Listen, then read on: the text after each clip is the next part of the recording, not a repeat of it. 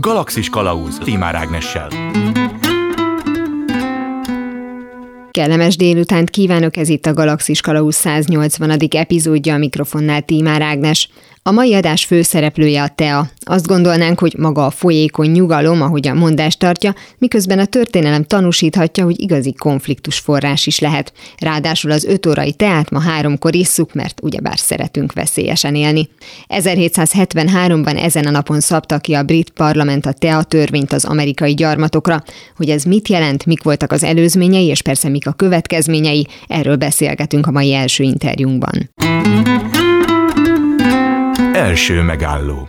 A vonalban Pásztor Katalin történész van velem, jó napot kívánok! Jó napot kívánok, kedves Ágnes, és üdvözlöm a hallgatókat is. Nézzük meg, hogy mi az, ami konkrétan a TEA törvényhez vezetett, tehát akkor szerintem az 1700-as évek, gondolom közepéig is érdemes visszamennünk, azt vizsgálva, hogy milyen viszonyban volt a 18. század közepén egymással Anglia, illetve a, a gyarmatai a későbbi Egyesült Államokban. Én lehet, hogy még egy kicsit visszább mennék, mint a 18. Mhm. század, mert ugye fontos azt tudni erről az egész függetlenségi kérdésről, gyarmatokról, Angliáról, hogy ugye itt a mai Észak-Amerikát ugye a spanyolok fedezték fel de igazándiból a térségnek a gyarmatosításában az angolok voltak inkább a sikeresek. És most itt csak néhány területet emelnék ki, ugye 1587-ben alakult meg Virginia, ugye ezt Erzsébetről, a szűz királynéről nevezték el, aztán nagyon fontos még az új Hollandia, ami ugye később New York nevet kapta, és ugye így mentek aztán szépen az angolok folyamatosan előre a telepítésben, és így 1732-ben jött létre az utolsó gyarmat, ez volt ugye Georgia. És ez már nagyon-nagyon nagy területet érintett ez az angol gyarmatosítás, nagyjából egy olyan 1500 mérföld hosszúságot kell elképzelni, ugye ez a Hudson böltől Floridáig terjedő terület volt, és ugye 13 gyarmat húzódott itt, és északról ugye meg keletről a franciák által birtokolt Kanada és Louisiana volt, ugye délről meg a spanyolok által birtokolt Florida, tehát ez ölelte körül ugye ezt a területet, és nagyon fontos még azt kiemelni, hogy ugye a 13 gyarmat azért itt elég jelentős gazdasági és kereskedelmi tevékenységet folytatott. Három csoportra szoktuk osztani ezt a 13 gyarmatot. Ugye volt az északi négy állam, ez Connecticut, Rhode Island, New Hampshire, valamint Massachusetts, ugye ez alkotta ezt az úgynevezett New Englandet és itt a lakosságnak a többsége az ugye a Szigetországból érkezett, és itt a fő foglalkozás ugye ez a halászat, a fakitermelés, ebből kifolyólag volt egy igen nagy arányú hajóépítés is, és a nyugat-indiákkal folytattak elég aktív kereskedelmet. Ugye itt ki lehet emelni, hogy a déli szigetekről melaszt hoztak be, ugye ez volt az egyik legfontosabb exportcikk, ugye ez volt a rúnak az alapanyaga. Aztán ugye itt a középső gyarmatok, ez New York, Pennsylvania, New Jersey, itt azért már gyakorlatilag ilyen 24 ezer lakosú nagyvárosok vannak, vagy hát ugye így lehet már nevezni. Ugye itt ezeknek a telepesei itt különböző vágóállatokkal, kenyérgabonával látták el ugye Nyugat-Indiát és Angliát, és gyakorlatilag ezek mellett megjelentek a régióban elsőként ugye a textil és félmanufaktúrák is. Aztán a déli kolóniák, ugye ez volt Észak és Dél-Karolina, Maryland, Virginia és Georgia, ugye hát itt inkább ez a fekete rabszolgamunkát alkalmazó monokultúrák voltak előnyben, ugye itt ez a dohány, a rizs, valamint az indigónak a termelése, és ezeket ugye kizárólag szinte exportra termelték. Tehát így, így nézett ki ennek a 13 gyarmatnak a gazdasági, illetve kereskedelmi tevékenysége. És hogyha megyünk előre az időben, akkor azt lehet megfigyelni, hogy a gyarmatoknak a lakossága gyakorlatilag a 18. századnak mondjuk a harmadik harmadára ugrásszerűen meggyarapodott, tehát mondjuk az 1700-as évekbeli 240 ezer, 50 ezer főről itt majdnem két millióra emelkedett, tehát azért ez egy elég jelentős szám, és ami még itt nagyon fontos, hogy ugye itt ez a, hogy is mondjam, a kormányzás vagy a, vagy a politikai része ezeknek a gyarmatoknak, mert hogy ugye ezeket a gyarmatokat ugye Nagy-Britanniából a király gyakorlatilag egy gyarmati tanács segítségével kormányozta,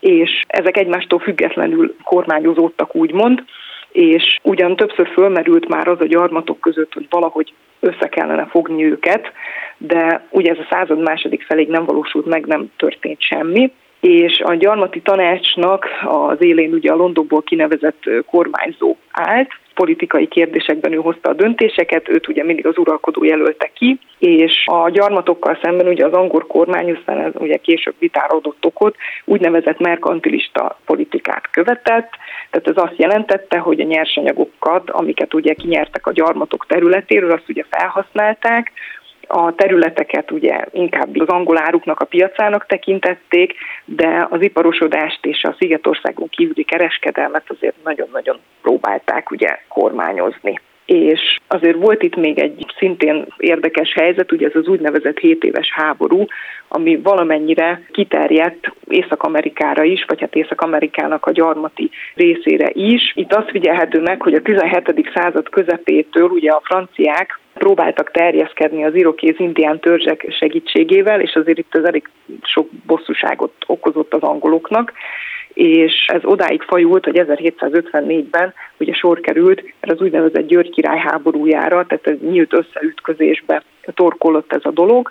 59-re aztán végül ezek a harcok elhaltak, és Quebecnek a ugye ez volt új Franciaország, így hívták akkoriban, tehát Quebeket végül is megkapták ugye az angolok, és gyakorlatilag ezzel véget ért ez a kis összeütközés. Aztán ugye emellé jött még az 1763-as Párizsi béke, ami szintén nagyon jelentősen módosította ugye itt a területi elrendezést, mert hogy Anglia megkapta Kanadát, valamint Louisiana-nak a Mississippi-ig terjedő részét, és ugye Floridát, viszont ugye a vesztes oldalon álló spanyolok pedig kárpótlásként megkapták ugye a folyótól a csendes óceánig terjedő hatalmas, jól és feltáratlan területeket.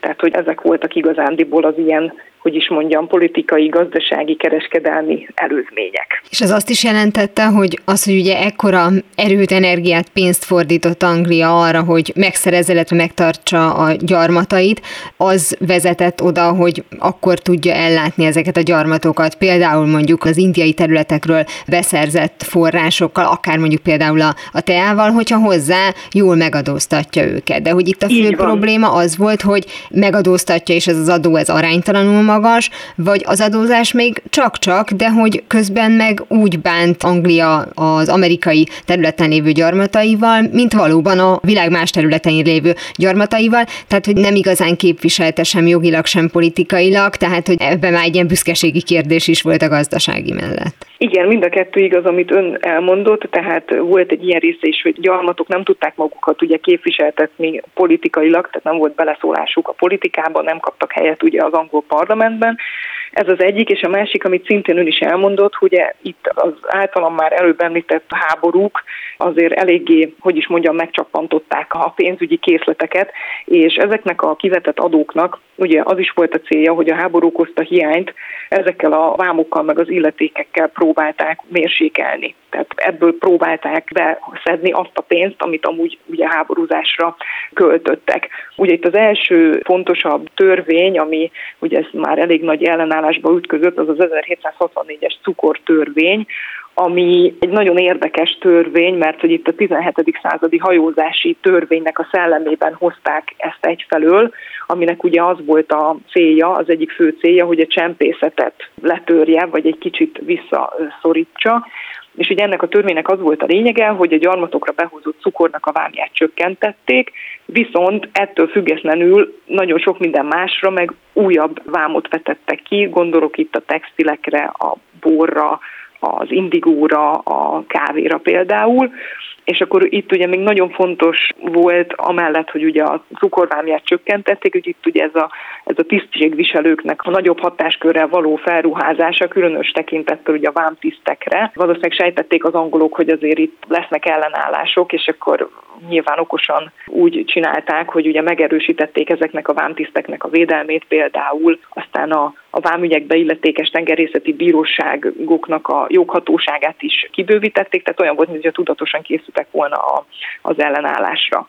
Aztán ugye a következő nagy felháborodást kiváltó törvény, az ugye az 1765-ös illeték vagy bélyek törvény, ugye attól függ most éppen, hogy fordítjuk, ugye ez is egy hatalmas tiltakozást váltott ki a gyarmatosoknak a körében. Ez ugye arról szólt, hogy minden nyomtatványt és jogi iratot, és itt tényleg az újságok, röpiratok, biztosítási kötvények, diplomák, játékkártyák, minden, ami ide bele tartozik, hogy ezeket illetékbélyegekkel kellene ugye ellátni. És ugye hát ez is, ahogy már mondtam, hatalmas tiltakozást váltott ki, és ezek után azért már ugye a gyarmatosok is elkezdtek mozgolódni, és ugye itt jön képbe ez az úgynevezett szabadságfiai mozgalom, ami ugye ez a nincs adózás képviselet nélkül jelszóval megalapított hát ilyen szervezet volt, és akkor ez a szervezet ez elkezdte a propaganda munkát. Tehát itt valamennyi gyarmatra kiterjedő tüntetéseket szerveztek, sokszor megfélemlítették az illetékbélyegeket árusító brit ügynököket is például, és hát odáig fajult ez az egész mozgalom, hogy 1765. októberében a gyarmatoknak a képviselői összeültek egy kongresszuson, és hát megpróbálták azt megbeszélni, hogy a, a brit kereskedelmet hogyan tudják embargizálni, úgymond, és hogyan vehetik rá vajon a brit parlamentet, hogy ugye ezeket a törvényeket visszavonják. Aztán ugye itt közben volt egy hát ilyen tisztségviselő váltás, és ez az úgynevezett Rogan Márki, aki ekkor került kormányra, ő egy picikét, hát hogy is mondjam, lojálisabb volt a gyarmatokkal, és 1766-ban ugye visszavonta a törvényt. Akkor úgy nézett ki, hogy lecsillapodtak a kedélyek, és akkor aztán a következő feszültséget okozó törvény, az az ominózus TEA törvény, aminek ugye a, a folyamánya lett végül ugye az úgynevezett bosztoni TEA délután, és ez a TEA törvény, ez ugye 1773 májusában lett kibocsátva, és tulajdonképpen a kelet-indiai társaságnak ugye kizárólagos jogot biztosított ugye az amerikai tea forgalmazásra. Nyilván ennek az volt a fő célja, hogy ugye ekkor már a kelet-indiai társaság elég rossz anyagi helyzetben volt, hát gyakorlatilag a csőd szélén állt, és ezzel a tea törvényel próbálták volna ugye megmenteni a, a csőttől. Ez ugye azt is jelentette, hogy a gyarmatosoknak a számára végül is leszállította a teának az árát, viszont a radikálisoknak ugye alkalmat nyújtott arra, hogy újólag rámutassanak ugye itt a fennálló teavám alkotmány ellenességére.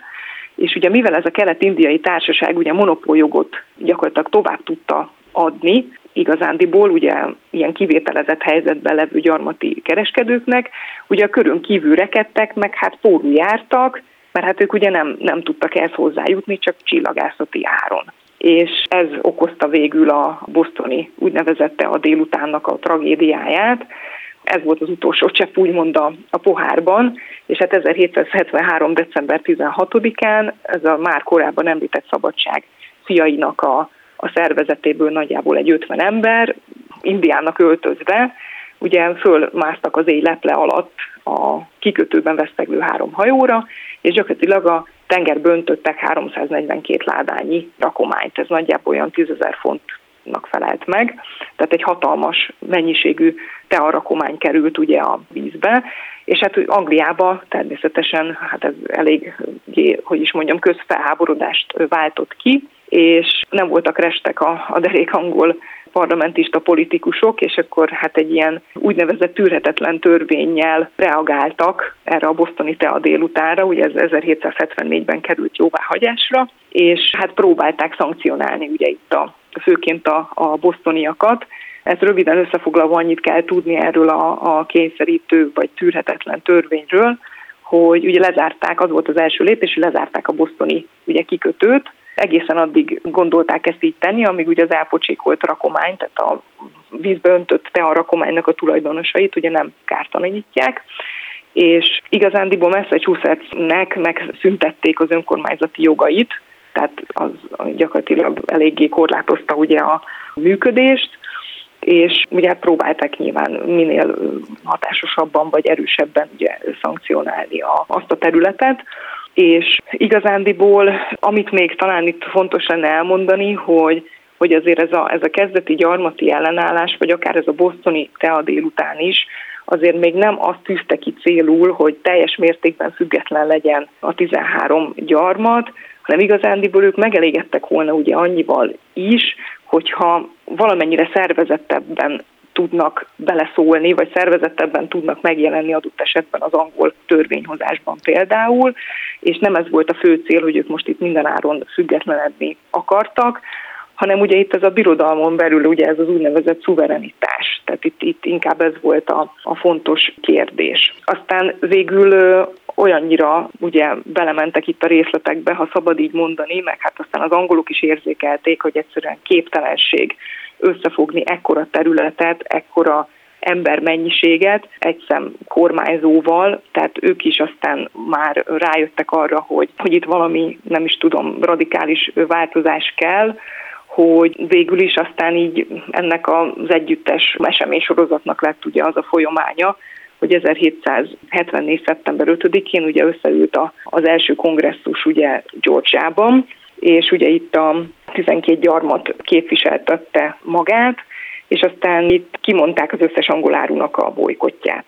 És ezek után jött az angol válasz, ahol végül is katonai erőknek a bevetésére adtak parancsot, és ugye ezzel indult 1775-ben ugye a függetlenségi háború. És ugye érdekes látni egyébként pont ezen a konkrét történelmi esemény soron keresztül, hogy hogyan tud akár mondjuk exponenciálisan felgyorsulni egy esemény és az arra adott reakció, hiszen tulajdonképpen az egymás utáni adóztatásnál nagyon sokáig tűrt ugye a gyarmatként működő Amerika, Igen. míg ugye az 1773-as teatörvény után egy fél évre már jött a bosztoni tea délután, és három évre rám pedig már a függetlenségi háború végét ünnepelték.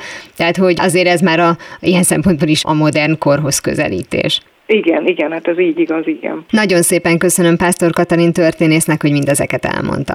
Én is nagyon szépen köszönöm. Totó, azt hiszem már nem Kenzeszben vagyunk.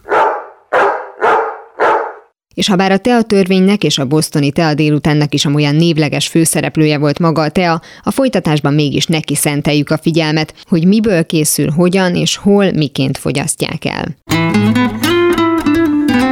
Második megálló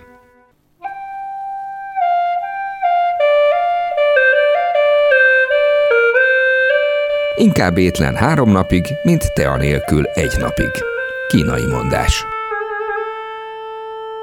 A vonalban Olekszik Dorottya Tea szakértő, a Tea Akadémia alapítója van velem. Jó napot kívánok! Jó napot kívánok! Na hát az elején kezdjük a Tea sztorit, nevezetesen, hogy hol és mikor kezdődik a, a Tea története. Hú, hát ez egy érdekes kérdés, ugyanis a legendák ködébe vész. Tehát minden ország, főleg nyilván ugye ázsiai országokról beszélünk, minden ország, amelynek valamilyen kapcsolata van tejával kialakította a maga legenda körét. Ugye mindig az istenekhez köthető, és mindig az istenek ajándékával azonosítják. Tehát olyan érdekes legendák vannak, hogy például egy bódidarma szemhiából alakult ki az első cserje, vagy pedig tudjuk, hogy Kínában a Shengnung császár, ugye, aki a legendák körébe vész, és ő volt az az isteni földműves, aki megajándékozta a kínaiakat a mezőgazdasági tudással, tehát nem csak a teának a tudásával, ismeretével, a mezőgazdasági tudásával. Tehát, hogy ő volt az, aki legelőször kint a szabadban forralta a vizet, és észt a ebédjéhez, és ugye beleesett egy fuvalat által egy levélke abba a vízbe, és ettől lett egy különleges ital, amit megkóstolt, és fantasztikus hatással rendelkezett. Tehát az biztos, hogy az emberiség rengeteg legendát kapcsol ehhez, és az is egészen biztos, hogy a teát már körülbelül időszámításunk előtt 3000 körül fogyasztották. Mondta, hogy ugye a forró vízbe véletlenül beleeső tea levélnek a legendája is ugye a legendák között szerepel, ebből az következik, hogy csak ilyen formán tudták elképzelni az első perctől kezdve a tea felhasználását, illetve fogyasztását? Igen, mindenképpen, tehát a teához forró meleg vízre van szükség, igen. Tehát nem volt egy olyan opció, hogy nem tudom, szárították, ízesítettek vele, tehát amit te a levél, azt mindenképpen megfőzzük. Ez volt az eredet legenda, az eredet monda. A másik, a, már a történelemhez kell visszanyúlnunk, hogy alapvetően a teának a, a születési helye az egy behatárolt, földrajzilag behatárolt terület. Tehát arról a földrajzi behatároltságból valahogyan el kellett juttatni a teát más vidékekre. És ugye ennek a levélnek az egyetlen tartósítási eszköze ez a szárítás volt. Tehát valamiképpen ugye fel a levelet, amikor leszették, ugye a tea levelet a növényről, akkor valamiképpen behatás, emberi behatás során alakították. Tehát sodorták, galacsínra sodorták, lapították, egyéb más módon megváltoztatták a levelet. Közben természetesen oxidálódott a levél, ugye, hogy feltörnek ezek a sejtek, a növénynek a levélnek a sejtfalai, ugye folyamatosan oxidálódik, és így alakulnak ki a különféle teafajták, és a végén ugye a tartósítás volt a lényege, a tartósított leveleket pedig el kellett juttatni más városokba, most Kínáról van szó elsősorban, ugye más városokban, és aztán onnantól kezdve más országokban, más kontinensekben. Ha már itt tartunk, Tea nélkül nem tudok dolgozni. A tea felszabadítja a lelkem mélyén szunnyadó lehetőségeket. Lev Tolstoy. Tehát alapvetően ugye a tea levél önmagában, ahogy leszedjük, a sajnos ugye úgy még nem használható fel, tehát a nedvesség tartalmát az valamilyen technológiai hozzáadással meg kell szüntetni, ki kell venni belőle, ugye tartósítani kell, és így jött létre a teagyártásnak a technológiája, amely gyakorlatilag mind a mai napig az ősi módszereken alapul. Tehát Kínában nem ismerült föl abban az időben, hogy esetleg máshogyan ezt a nyers levelet felhasználják, vagy akár mondjuk ők maguk, hogyha elkezdik szárítgatni, akkor más módon használják. Ez csak azért jutott eszembe, mert hát mondjuk ha például a dohánylevelet nézzük, ott sem az merült föl, be, ugye vannak, akik rágják, ott is inkább az történt, hogy elkezdték megsodorni, és aztán elszívják. Tehát, hogy az egyértelmű volt, hogy ezek a kellemes aromák akkor fognak felszabadulni, hogyha forró vízzel találkozik. A teával kapcsolatban egészen biztosan két útja volt a tea felhasználásának. Az egyik az élvezeti szer, tehát egy luxus cikk és élvezeti szer, a másik pedig, mint orvosságként való felhasználás. Tehát a tea egyértelmű volt, hogy a levél az fogyasztási cikk, tehát egy ételként lehet ezt gyakorlatilag apostrofálni, és az viszont nagyon-nagyon fontos dolog, ez már szintén tea történelem, sőt tea kultúra történelme, amikor meg kell tanulni, hogy a kínai, például a kínai történelemben az egyes dinasztiákban milyen alakját értettek tea alatt ennek a levélnek. Tehát volt olyan időszak, amikor, amikor a sodrott levelet nevezték csának, teának, volt, amikor például a porított teát használták teaként, volt, amikor például rizssel keverték össze a tealeveleket és ételként fogyasztották, vagy természetesen volt olyan időszak, amikor hozzáadtak leveleket, vagy hozzáadtak gyümölcsöket, főleg itt növényekről van szó, és virágokról, tehát ezáltal egy ilyen plusz élvezeti értéket kapott ez a levél, amely egyébként egy nagyon semleges ízvilággal rendelkezik, pontosan ezért alkalmas rendkívül jól különféle keverékek készítésére, és hát ez nem újdonság, ezt már a kínaiak is feltalálták, vagy szóval ők használták. Tehát, hogy, hogy az egyes korszakokban viszont a társadalom és a, az étkezés nem ugyanazt értette, az étkezési kultúra nem ugyanazt értette tea alatt, mint amit most mi tea alatt értünk. Ha ez kávé, akkor kérem hozzanak teát. De ha ez tea, akkor inkább kávét kérek. Abraham Lincoln. nem már. Említette már korábban, hogy többek között ugye a tartósítás miatt alakult ilyenné a te a levél, és el kellett ugye jutatni különböző pontokra a világon. Itt ki volt a, a kezdeményező, ki volt az, aki megjelent először, hogy hú, hát ez tök jól néz ki, meg végül is tök jó íze van, mi is vigyünk haza belőle. De ez egyértelmű, hogy a gyarmatosítás korához köthető, és az első európaiak megjelenéséhez távol-keleten, hogy elsősorban a portugálokat kell legelőször kiemelni. Sokan úgy gondolják, hogy az angolok voltak az elsők, nem. Tehát a portugálok voltak az elsők, akik Európában hozták a teját, aztán követték a hollandok, és aztán jöttek az angolok is. Tehát Braganza Katalin volt az, aki Károlyjal kötött, az angol uralkodóval kötött házassága révén vitte el az udvarba a teának, a teafogyasztásnak a hagyományát, tehát az angolok már egy későbbi szakaszba kapcsolódtak be ebbe a teafogyasztásba. De ami még nagyon fontos, hogy akkoriban csak ez izoláltan, tehát csak az udvarban is fordult elő, és ez egy nagyon luxus cikk volt. Tehát ezt meg látták ugye a tengerészek, a kereskedők, a gazdag kereskedők, hogy ott a távoli vidéken, Ázsia távoli vidékén abban a pici kis felfedezhető területen, hiszen tudjuk ugye, hogy hosszú időn keresztül a kereskedők, az európai kereskedők csak egy nagyon limitált területen léphettek Kína földjére, a sárga császár földjére. Tehát, hogy ezen a területen ugye megismerték ezt a különös italt, amelyet mindenki fogyasztott és nagyon kedvelt, és ezt mindegyik megjegyezte egyébként, a krónikákból nagyon jól tudjuk, mindenki megjegyezte, hogy valami különleges hatással bírt. Hamarosan folytatódik a Galaxis Kalauz, benne az interjú Oleksik Dorot te a szakértővel. Galaxis Kalauz Timár Ágnessel. Ez itt továbbra is a Galaxis Kalauzén Tímár Ágnes vagyok. Folytatom a beszélgetést Olekszik Dorottya te a szakértővel, és többek között azt vizsgáljuk, milyen eltérések vannak a különböző kultúrák teafogyasztási szertartásai között.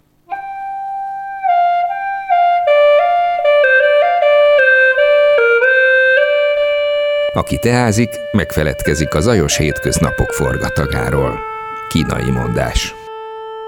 Ez nagyon fontos, hogy mindig volt a teának egy hatása. Tehát nem csak arról beszélünk, hogy finom volt, vagy nem volt finom, mert hát azért abban az időben azt azért tegyük hozzá, hogy az európai ízlésnek nem a legkedveltebb ízvilággal rendelkezett a tea, tehát inkább itt már abban a pillanatban, ugye, hogy milyen hatása volt az emberre a tea, tehát sokkal jobban élinkebb volt, sokkal tisztábbak voltak a gondolatai, tehát ezt, ezt rögtön észrevették, és hát nem hiába volt az, hogy, hogy az elsőleges elterjedési területe Ázsiában is, ugye főleg a kolostorokhoz, illetve a szerzetesekhez köthető, akik a meditáció alatt meditációhoz pontosabban használták a teát. Tehát az első európaiak, akik megjelentek és a teát Európába hozták, az európai kikötővárosokba, azok a, a már említett nemzetek voltak, és hát tudjuk, hogy úgy onnantól kezdve a kikötővárosokba, ahol Európában ugye mindig oda érkezett meg az újdonság, az új luxus termékek, az új filozófiai nézetek és új eszmék, tehát innen terjedt el aztán a kontinens más tájai felé. Tehát akkor itt egy szerencsés együttállásról van szó a TEA esetében, hogy van egy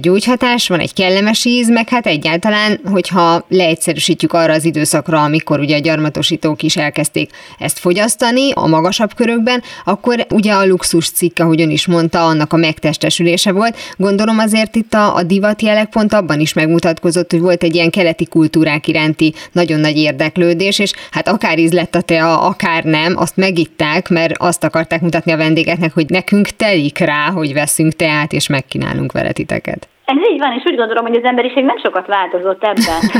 tehát, hogy hasonló fedezhető fel azért manapság is Európában, tehát azért vannak bizonyos teafajták, amelyeknek az íze azért távol áll attól az íz élménytől, amit az európai kellemesnek tart. Hiszen mi más étkezésem más diétán szocializálódtunk. Tehát ezt a fajta kesernyés ízvilágot az európai ember, a nyugati ember kevésbé értékeli, mint mondjuk egy édeset vagy egy erősen sós ízvilágot. Ázsiában ez nem így van, tehát gondoljunk csak Japánban. Tehát Japánban a keserű az ugyanolyan pozitív kontextussal rendelkezik, mint egy édes mondjuk.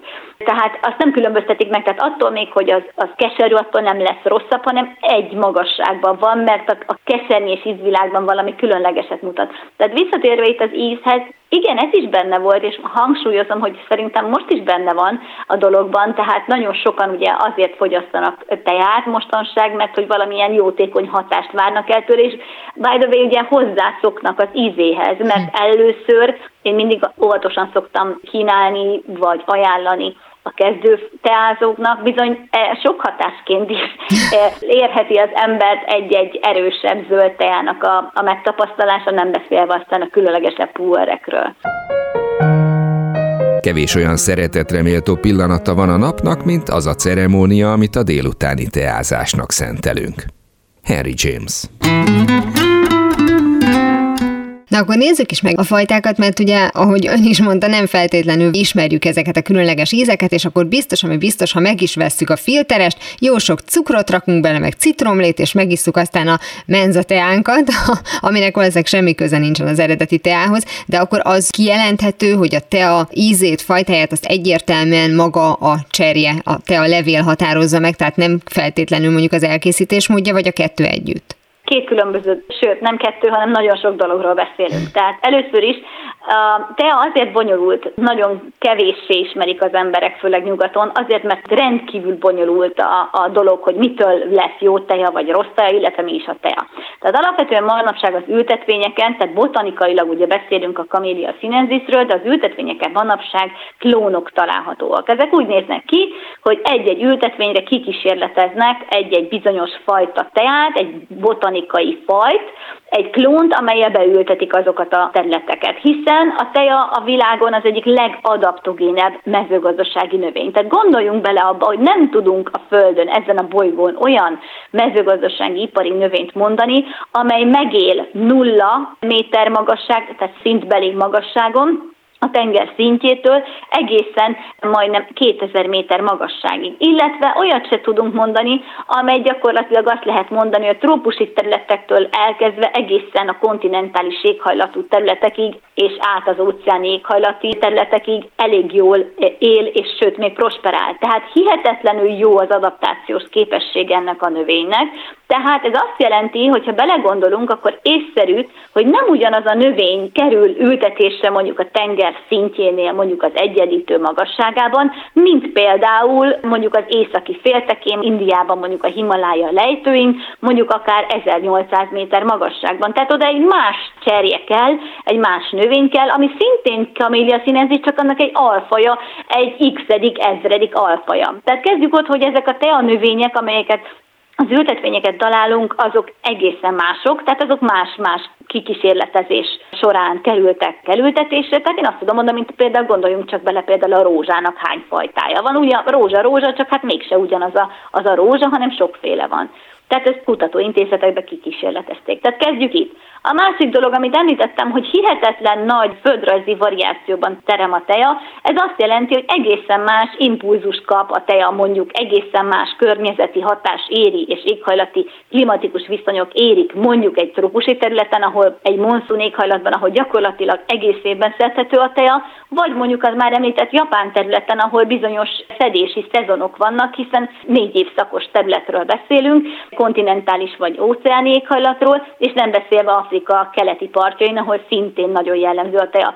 Tehát ugye beszélünk teljesen különböző tejanövényről, beszélünk teljesen különböző éghajlatról, hát ez egyértelmű, ugye, hogyha valaki belegondol, hogy mondjuk a, a cseresznye, amely egészen másképpen fog nőni, és egészen más íze lesz mondjuk a Kárpát-medencében, mint mondjuk Észak-Németországban, mert nem ugyanaz a napsütötte órák száma, nem ugyanaz a csapadékmennyiség, stb. stb. stb. Tehát ez már azt predestinálja, hogy más növényről beszélünk, tehát más lesz a szedés alkalmával leszedett levél, mondjuk Afrika keleti partján, mint például a már említett Észak-Indiában, mondjuk 2000 méter magasságban fent a Himalájában. Ez az egyik dolog, és ami alapvetően és a leg, legfontosabb szempont meg fogja határozni a teának a minőségét, illetve a fajtáját, vagyis a végterméket, az pedig nem más, mint a gyártási technológia. A nő olyan, mint egy teafilter. Csak akkor látod az erejét, ha forró vízbe teszed. Eleanor Roosevelt.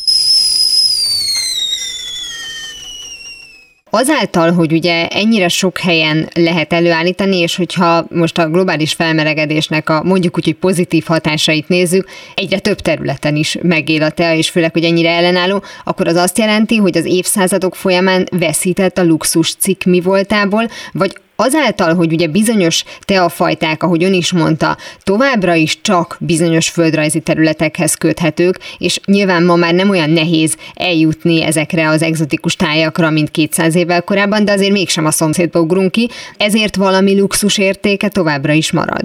Igen, ez fontos dolog, tehát először is a tea nem luxus termék, nem luxuszik, tehát a víz után a legtöbbet fogyasztott ital a világon. Ez egy tény. Tehát ez statisztikai tény. A másik dolog az éghajlatváltozással kapcsolatban, hogy vesztes vagy nyertes lesz-e a teja. Én úgy gondolom, hogy abszolút nyertes lesz a teja, ugyanis, hogyha például a kávéval összehasonlítjuk, amely ugye már egy termés, akkor a tea termő területe folyamatosan nő ez egyértelmű, és mivel hihetetlen adaptogén növény, tehát a tűrőképessége nagyon széles, ezért olyan területeken is lehetséges a termelése, amely területeken eddig például nem volt lehetséges. Ilyen próbálkozások vannak például Európában is, hát nem feltétlenül Európában, mondjuk az Azori szigeteken, ugye Portugáliához tartozó Azori szigeteken egyértelmű, de például Angliában, Angliában is vannak tea farmok, ahol tea kertek, ahol bizony van tea termelés, ezt bár kevesen tudják, de van. Tehát először is nem attól lesz a tej a luxus cikk, vagy kevésbé luxus cikk, mert hogy milyen nagy területeken termesztik, hanem attól lesz, hogy milyen minőségű a teagyártás. Tehát mi az a hozzáadott érték, aminek segítségével abból a pici levélből tudunk készíteni valami extra klasszis dolgot. És gondoljunk csak bele abba, hogy hát ott vannak a filterek, tehát mindent mondhatunk arról, csak azt nem, hogy, hogy nem tömegtermék és nem elérhető mindenki számára, és elvileg ugyanaz a tea rész található benne, az most más dolog, hogy milyen levélosztály és milyen hozzávalók, de most teljesen mindegy, tehát gyakorlatilag ugyanabban a növényből származó élvezeti termék található benne, mint mondjuk az akár egy millió forint kilogramm áru legkifinomultabb japán porteák esetében. Szóval, hogy ugyanarról beszélünk, ugyanarról a növényről, de mégis teljesen más előállítási technológiáról, teljesen más jellemzőkkel bíró alapanyagról. Akkor nézzük meg, hogy hogyan lesz belőle éppen mondjuk luxus cikk, vagy nem luxus cikk. Az, hogy mondjuk valami fekete, zöld vagy fehér te, az a gyártástól függ, vagy az a levelektől? Az a gyártástól függ. Uh-huh. Tehát ez egy nagy, igen, ez egy nagyon fontos dolog, hogy alapvetően minden te a levélből, minden cseréből elvileg eljátszhatunk azzal a gondolattal, készíthetünk fehéret, zöldet, bulongot, feketét és még puhet is. Tehát gyakorlatilag mindenféle teját készíthetünk belőle. Elvileg. Azért mondom, hogy elvileg, mert nem fogunk ilyet csinálni.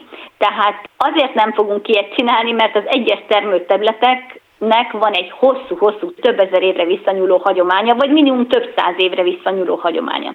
Tehát azon a termőterületen, abból a tejából ezt a módszert, tehát például fekete teját, mondjuk ha már említettem Indiát, akkor most beszéljünk az indiai, mondjuk a a bengáli termőterületekről, ugye Brahmaputra két oldalán találhatóak ezek a bengáli termőterületek, ahol az angolok segítségével hozták létre az első teakerteket, és ugye ott fekete teát állítottak elő.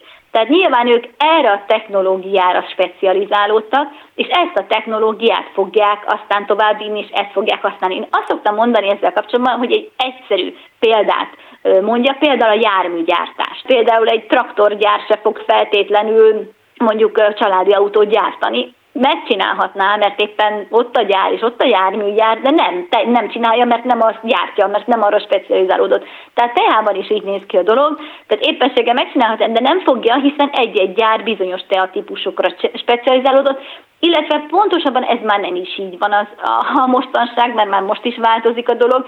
Tehát például vannak olyan termőterületek, amelyek Indiát mondtam, akkor indiai termőterületek kísérleteznek, ugye alapvetően ugye fekete teát állítanak elő, de a gyárak kísérleteznek zöld a gyártásra. Ezek főleg az európai, illetve nyugat-európai piacra szánt teák, azért, mert jobban el tudják adni. Tehát itt már itt a az anyagi okokról van szó. Érezhető mondjuk a fehér teát vagy a zöld teát kedve, jobban kedvelik a nyugat-európai vásárlók, és magasabb árat tudnak ezért kérni, és akkor megpróbálkozik vele a teamester vagy a teagyár, hogy ezeket is előállítsa, de alapvetően a mainstream, tehát a fő csapása az ő kibocsátásának az a már megtanult vagy megismert, illetve földműves hagyományon alapuló technológia által készült tea. És akkor tulajdonképpen a, a gyarmatosítók, vagy adott esetben a megérkező portugálok vagy angolok fogták, és ezeket a technológiákat is vitték magukkal, vagy valamit azért ők is hozzátettek? A technológiát azt meg kellett tanulni, gyakorlatilag ipari kémkedésről beszélünk, tehát az angolok az nagyon ügyesen ezt megtették, sőt Kínából hívták az első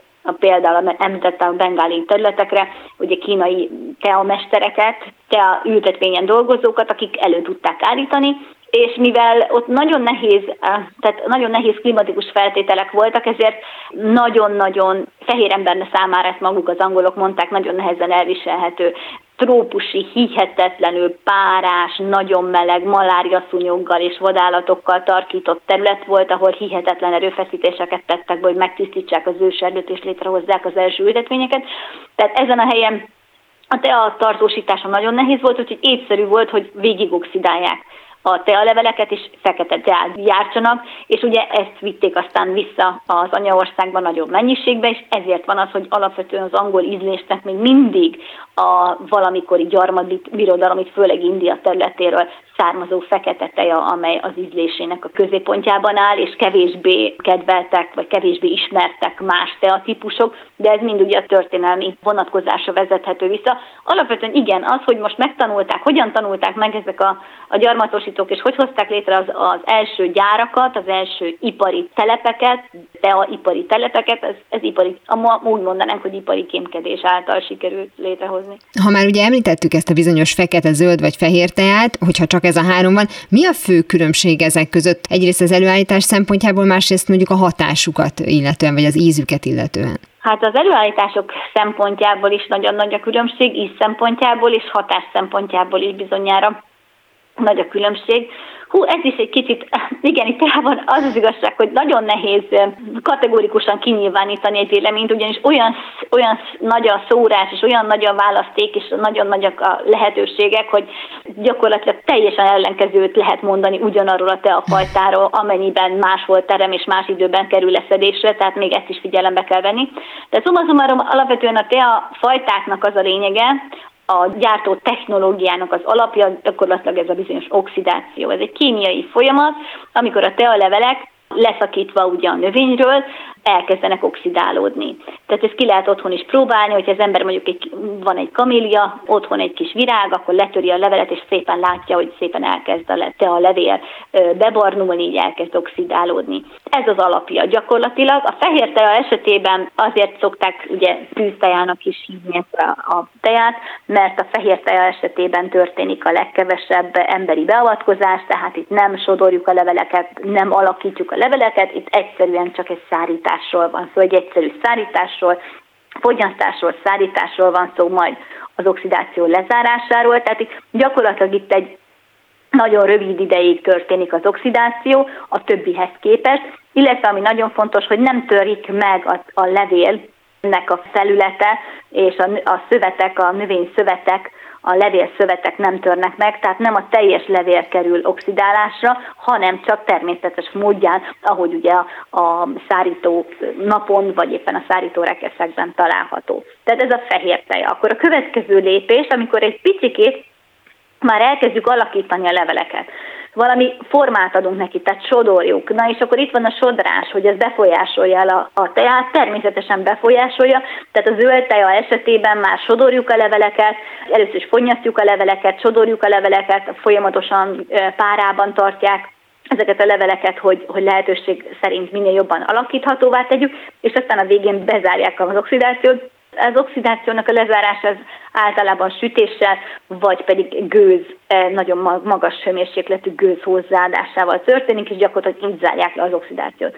Ha egy kicsit tovább haladunk ebben az oxidációs sémában, akkor ugye a fehér teja, a zöld teja után következik a, az úgynevezett vullong. Ez kevésbé ismert eh, a nyugati országokban. Ez egy zseniális dolog, ez egy fantasztikus teja, nagyon speciális az elkészítése. Így gyakorlatilag arról van szó, hogy az alakítás még egy plusz sodrás, rázás, még egy sodrás, rázás, még egy sodrás, rázás, pihentetés során történik, tehát folyamatosan rázzák, sodorják, rázzák, sodorják, pihentet, és közben pihentetik a teját, majd a végén természetesen besütik, ez lesz a, ezek lesznek a vulongok, de ebben is aztán vannak a zöld vulongok, a türkiz zöld vulongok, vagy vannak a sötét vulongok, tehát még egy teafajtán belül is hihetetlen szórást mutat a tea. Utána történik ugye a következő rész, amikor az oxidációt végigvisszük, ez lesz ugye a fekete teja, amit a kínaiak úgy ismernek, hogy ez a vörös teja, az általunk ismert fekete teja, és van még egy fajta teja, ami egy ilyen plusz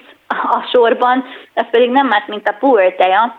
Ez egy nagyon speciális dolog, ugyanis itt, itt eddig oxidációról beszéltünk, a teák esetében, a puer esetében pedig gyakorlatilag nem oxidációról, hanem fermentációról beszélhetünk. Itt arról van szó, hogy gyakorlatilag egy tea komposztot készítünk, gombák és baktériumok segítségével a leveleken megtelepednek gombák és baktériumok, és ez egy ilyen nagyon-nagyon-nagyon-nagyon speciális módon kontrollált közegben, hőmérséklet, páratartalom közegben erjesztik gyakorlatilag ezt, a, ezt az entitást, ezt a puernek az alapanyagát, aztán lehetséges, hogy különféle formákba préselik, majd a formákat még, még a régebben úgy történt, hogy a föld alatti barlangokba helyezték el, és egy új, egy utólagos fermentáció, egy utólagos érlelés alatt ment végig a teja, vagy hát vannak olyan fajták most már, amelyek csak szálas teja formájában kerülnek a polcokra, tehát ez, egy, ez is egy külön világ, egy nagyon-nagyon speciális világ, és csak a puerekről lehetne órákat beszélni, mert hihetetlen szofisztikált a dolog. Tehát ez az alapja. Gyakorlatilag ami az alapja, az nem más, mint az oxidáció. Igen, a puer esetében szokták hozzátenni azt, hogy házilag semmiképpen ne próbáljuk ki, mert az előállítását gondolom. Hát ez biztos, hogy nem. Egész, egész biztos, igen. Nem csak bonyolult, hanem veszélyesnek is tűnik, de még a fogyasztásról mindenképpen beszéljünk, hogy ugye, ahogy például elhozták a gyarmatosítók magát a tealevelet, a módszert, hogy hogyan kell ebből aztán forró italt készíteni, a te a szertartás, aminek ugye megvannak a keleti szokásai is, de bizonyos szempontból egyfajta szertartásosság kialakult ugye az Egyesült Királyságban is, ott is lehet valamiféle hasonlóságot találni, tehát onnan is mondjuk úgy ronda szóval nyúltak egy-két ötletet, vagy azért az már két teljesen különböző világ? Úgy gondolom, hogy ez igen, az más, igen. Tehát ami, ami nagyon fontos dolog az európai, mondjuk itt csak talán azt hiszem az európai kapcsának, amilyen nagyon ismert, az az angliai, és a britek által kedvelt, úgymond te a kultúra, vagy te a szertartás, bár azt nem nevezném szertartásnak, míg a, az ázsiaiak egészen más alapokon nyugodnak. Tehát az ázsiai szertartás, az mindig, a, mint ahogy mutatja a neve is, az egy szertartás. Tehát itt már egy spiritualitásról is beszélünk, hiszen nagyon kevesen tudják, de az alapja mindegyik szertartásnak az gyakorlatilag az égiekkel való kapcsolattartás. Tehát itt ennek nagyon komoly spirituális gyökerei vannak, az, hogy az ember invokálja, hogy, hogy egybe legyen, tehát invokálja az égieket, illetve az egységgel, a világgal való egységet megtapasztalja, tehát mindig ez nagyon fontos szerepet játszott ezekben a, a szertartásokban, ezért én az angliait nem is, nem is mondanám szertartásnak, hiszen ott egy hagyomány alakult ki, uh-huh. az, az az, hogy milyen teát fogyasztanak, gyakorlatilag az csak az élvezeti értékért, vagy a szociális aktusért történt, de nincsenek ennek a fajtámnak plusz spirituális spirituális tartalma, tehát mélyen gyökerező, egészen más útra, más mélységig elvezető tartalma. Olekszik Dorottya, te a szakértő, a TEA Akadémia alapítója volt a vendégem telefonon, és beszélt a TEA levéltől egészen a, a TEA felhasználásán át, a TEA fogyasztásáig, mindenről, ami a TEA-hoz kapcsolódik. Köszönöm szépen! Nagyon szívesen, én is köszönöm. Ha a számításaim helytállóak, amikor eléri a 88 mérföldes sebességet, csodát fogsz látni, fiú! A második Earl Grey, azaz Grey gróf, polgári nevén Charles Grey fontos ember volt, a Whig párt aktív tagjaként 1830-ban a miniszterelnökségig vitte. Nevéhez fűződik az 1832-es nagy választójogi reformtörvény, de a világ legnagyobb része erről mit sem tud, legfeljebb a közkedvelt tea jut eszébe a grófról. A legenda szerint emberei egyszer Kínában kimentették a vízből egy helyi mandarin fiát, a mandarin hálából bergamottal ízesített teát ajándékozott a grófnak. A történet hitelességét némileg csökkenti, hogy hősünk soha nem járt Kínában, ahol egyébként a bergamott olajjal ízesített tea ismeretlen volt. A Grey család úgy tudja, a kínai mandarin valós szereplő, de a család Haviki birtokán kreálta a gróf számára az aromás teát a helyi messzes víz kedvezőtlen ízének ellensúlyozására. Ha már itt tartunk... Igyál még egy csésze teát. Kínálgatta a kalapos Eliszt. Én eddig egyetlen csészével sem ittam, tiltakozott Elis sértetten. Hát nem ihatok még egy csészével? A semminél kevesebbet természetesen nem ihatsz, bölcselkedett április bolondja, de a semminél többet annál könnyebben. Louis Carroll, Alice Csodaországban. Mára ennyi volt a Galaxis Kalauz, jövő héten ugyanekkor találkozunk. Hamarosan archívumunkból visszahallgathatják a mai adást is, valamint most már podcast formában is elérhető a műsor. A Rádió és a Galaxis Kalauz Facebook oldalán további érdekességeket találnak, illetve ha még nem tették, iratkozzanak fel YouTube csatornánkra. Köszöni a figyelmüket a szerkesztő műsorvezető Tímár Ágnes. Viszont hallásra! Viszlát, és kösz a halakat!